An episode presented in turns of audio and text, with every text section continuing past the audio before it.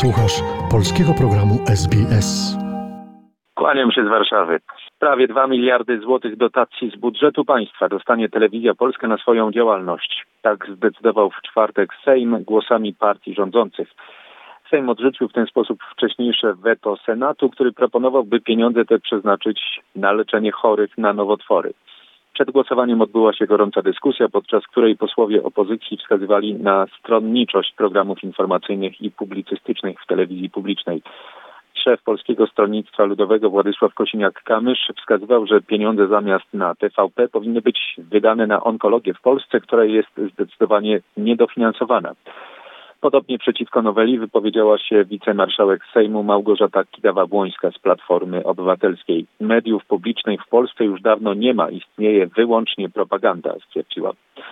Telewizji bronili za to posłowie PiS, m.in. Joanna Lichocka, która jako sprawozdawca noweli oceniła, że uchwała Senatu rekomendująca odrzucenie rekompensaty jest skandaliczna. Przekonywała, że media publiczne w obecnym kształcie, w tym TVP, są potrzebne Polakom.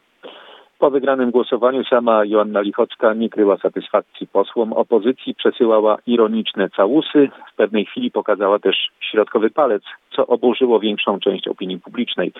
Sama posłanka tłumaczyła później, że tylko pocierała powiekę, a w internecie jej gest został zmanipulowany. Niemniej filmiki i zdjęcia pani poseł z wyciągniętym w stronę opozycji środkowym palcem obiegły cały polski internet. Żaden inny temat nie wywoływał nigdy wcześniej aż tak gorącej dyskusji. Analitycy porównują, że zainteresowanie w sieci gestem Joanny Lichockiej trzykrotnie przebiło oglądalność stron pornograficznych. Tragedia w Bukowinie Tatrzańskiej. W poniedziałek przed godziną 11 na stoku narciarskim Rusiński Wierch.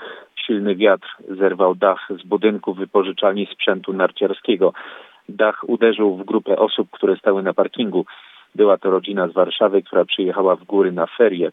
15-letnia dziewczynka i jej 52-letnia matka zginęły na miejscu. Trzecia ofiara, którą była druga córka kobiety, zmarła w szpitalu w wyniku odniesionych obrażeń.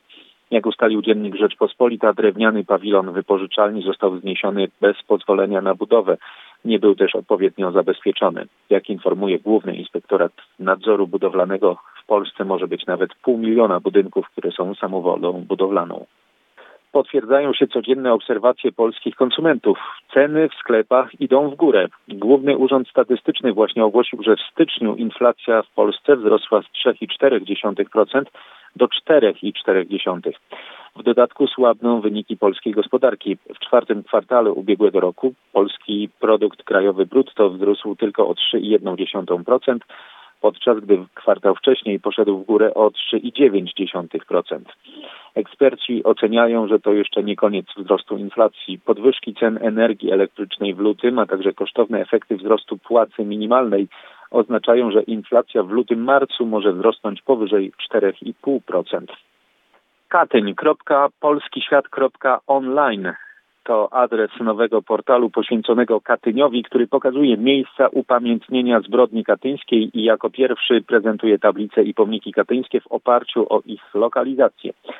Autorzy projektu zidentyfikowali już 369 miejsc na całym świecie, pomników, tablic pamięci, witraży, malowideł poświęconych tej zbrodni. Apelują też o zgłaszanie tych, które jeszcze nie zostały uwzględnione na mapie. Wśród miejsc są te bardziej znane jak pomnik Andrzeja Pityńskiego w Ameryce czy pomnik katyński w Londynie. Są też te mniej znane jak dęby katyńskie w Marajong czy pamiątkowe tablice w Brisbane i Melbourne. Oprócz popularyzowania wiedzy o zbrodni katyńskiej, celem projektu jest opisanie wysiłku tysięcy Polaków, dzięki którym pamięć o zbrodni katyńskiej przetrwała i trafia dziś do nowych pokoleń na całym świecie. Naszym marzeniem jest też, aby ta mapa pamięci pozwoliła zidentyfikować rejony, gdzie takich miejsc wciąż brakuje, a gdzie mamy prężnie działającą Polonię. Chcielibyśmy inspirować, by tak ważnych dla Polaków i ludzkości miejsc powstawało więcej, dodaje twórca portalu Mirosław Banach. Mapa pamięci zbrodni katyńskiej to uzupełnienie portalu polskiświat.online, w ramach którego Fundacja Polskie Maki tworzy mapy tego, co polskie za granicą. Na dziesięciu mapach umieszczono już przeszło 8 tysięcy miejsc na całym świecie. Pomników, miejsc pamięci polskich teatrów, klubów sportowych, stowarzyszeń polonijnych, a nawet polskich sklepów i restauracji. Zdaniem prezesa fundacji to bazy danych o miejscach związanych z Polską. Na koniec wzruszająca uroczystość w Pałacu Prezydenckim, gdzie w czwartek odbyło się spotkanie Polska Pomoc dla Australii, podczas którego podsumowano zbiórkę pieniędzy na rzecz odbudowy Parku Narodowego Kościuszki. Zbiórka została zainicjowana przez strażaków ochotników z Poręby Spytkowskiej w województwie małopolskim. Łącznie udało się zebrać ponad 400 tysięcy złotych, czyli około 150 tysięcy dolarów australijskich. Strażacy tknięci wolą niesienia pomocy i współczuciem pod wpływem informacji o tragicznych pożarach w całej Australii zorganizowali zbiórkę, która na początku miała wymiar lokalny, ale później stała się ogólnopolska. Datki wpłaciło ponad 14 tysięcy ludzi. Polscy strażacy pokazywali niejednokrotnie swoją gotowość do pomocy. Tym razem ta inicjatywa dała piękny przykład wszystkim, że tę pomoc można nieść na różne sposoby, powiedział prezydent Andrzej Duda. Zgromadzone fundusze zostaną przekazane teraz Fundacji Parków Narodowych i Dzikiej Przyrody w Australii.